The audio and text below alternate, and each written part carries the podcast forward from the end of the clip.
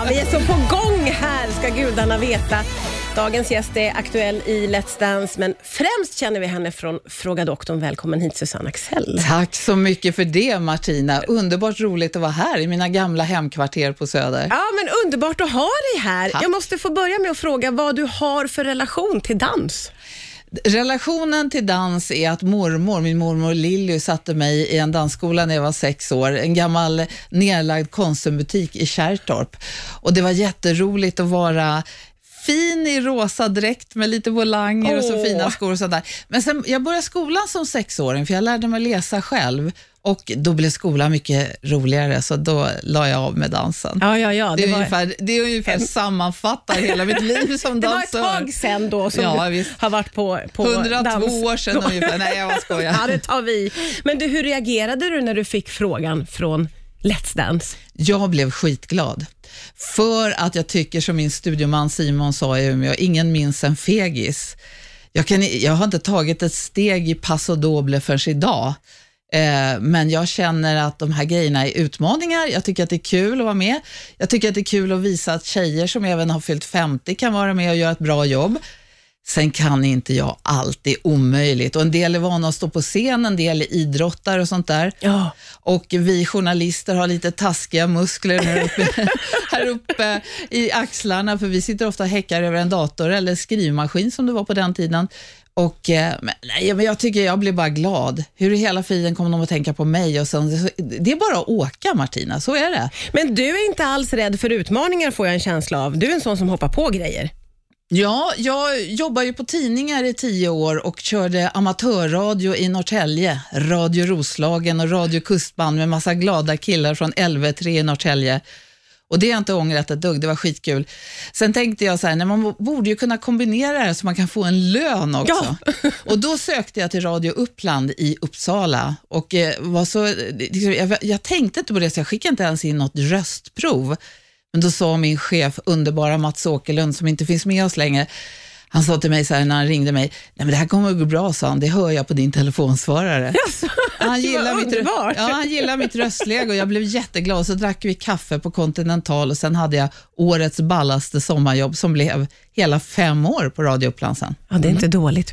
Du, eh, man blir så nyfiken på detta gäng som du är en del av i Let's Dance. Vilka spännande personer du får hänga med. Ja, helt underbara människor. Jag har fått massa nya kamrater och det är jättekul. Jag menar, vissa av de här personerna hade jag kanske inte stött på ens som journalist. Jag är ju inte inne i sportvärlden till Nej. exempel. Så här.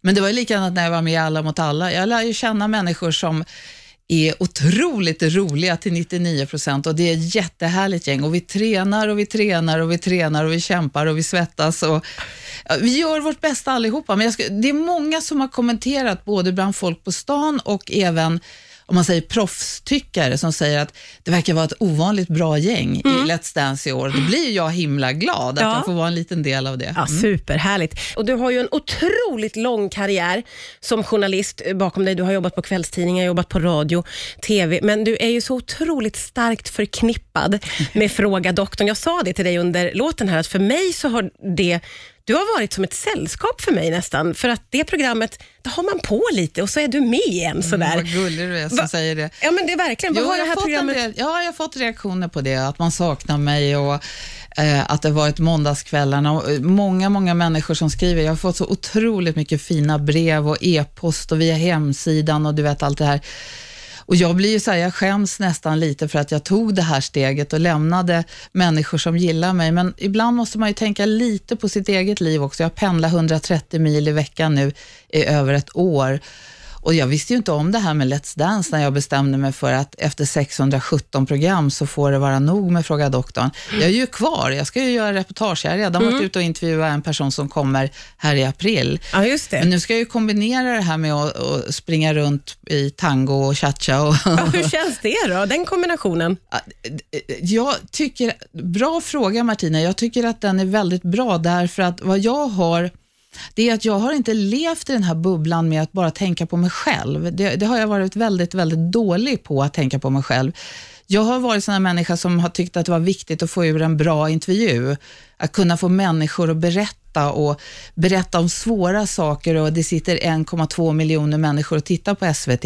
Jag tycker att det är jätteviktigt. Men, men nu måste jag ju liksom vända på det hela och tänka lite mer på mig själv och så. Men många lever ju väldigt mycket för sig själva, men jag, jag, jag kan inte riktigt ta det på samma allvar därför att jag har intervjuat människor som har haft som Engla Höglunds mamma till exempel, som förlorade sin dotter på det mest groteska sätt en människa kan förlora ett barn. Har man henne i minnet, för hon var fantastisk, Karina Höglund, då, då blir det väldigt svårt att vara ledsen för att man inte får tillräckligt mycket poäng eller någonting sånt där. Har man intervjuat en ung kille som har en stor hjärntumör i hjärnan som jag har gjort, då blir det så här, det här är ju roligt och glatt och vi behöver mer glädje i Sverige därför att det här senaste året har varit skittufft för oss mm, alla. Mm. Inte minst för mig som förlorade en nära vän i april förra året i corona. Men vi måste också, det är viktigt tror jag att, att också ta in sammanhanget, att ha fötterna på jorden. Och jag är ju söderbena vet du. Ja, det hörs också Susanne. Bra, för det är min dialekt. Men jag är uppvuxen, jag är född på Södersjukhuset här bakom där vi står nu. Jag är uppvuxen på Söder och söder om Söder. Det är ju min värld och så och jag tycker att de människorna som omgav mig i min barndom och ungdom, och var, man, var, man, man skulle hålla fötterna på jorden. Mm. Man skulle vara schysst mot andra men man skulle stå stark förankrad i marken. Det i har du med dig. Det har jag med mig. Ja. Och Det har jag haft väldigt mycket nytta av, att jag har fått lärt mig respektera andra människor. Mm. Som du nämnde innan här, så har ju du varit med i Alla mot alla. Mm, jag vann. Och det gick väldigt, väldigt bra.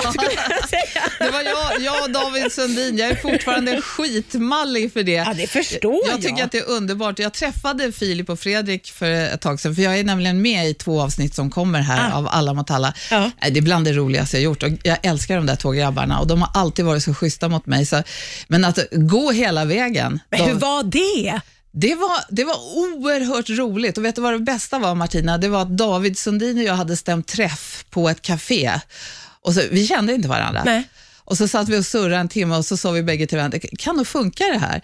Men han skulle gifta sig och hade tankarna på andra håll och jag bara tyckte, gud så roligt att få vara med något kul som man inte... Jag får ju råplugga till alla program i Fråga doktorn. Ja. Och så gick vi vidare och så gick vi vidare och så gick vi vidare och sen så kom vi till semifinal och så vann vi den och, och, och David sa till mig, men jag ska ju hem och gifta mig. Liksom. Han hade hur ont om tid som helst.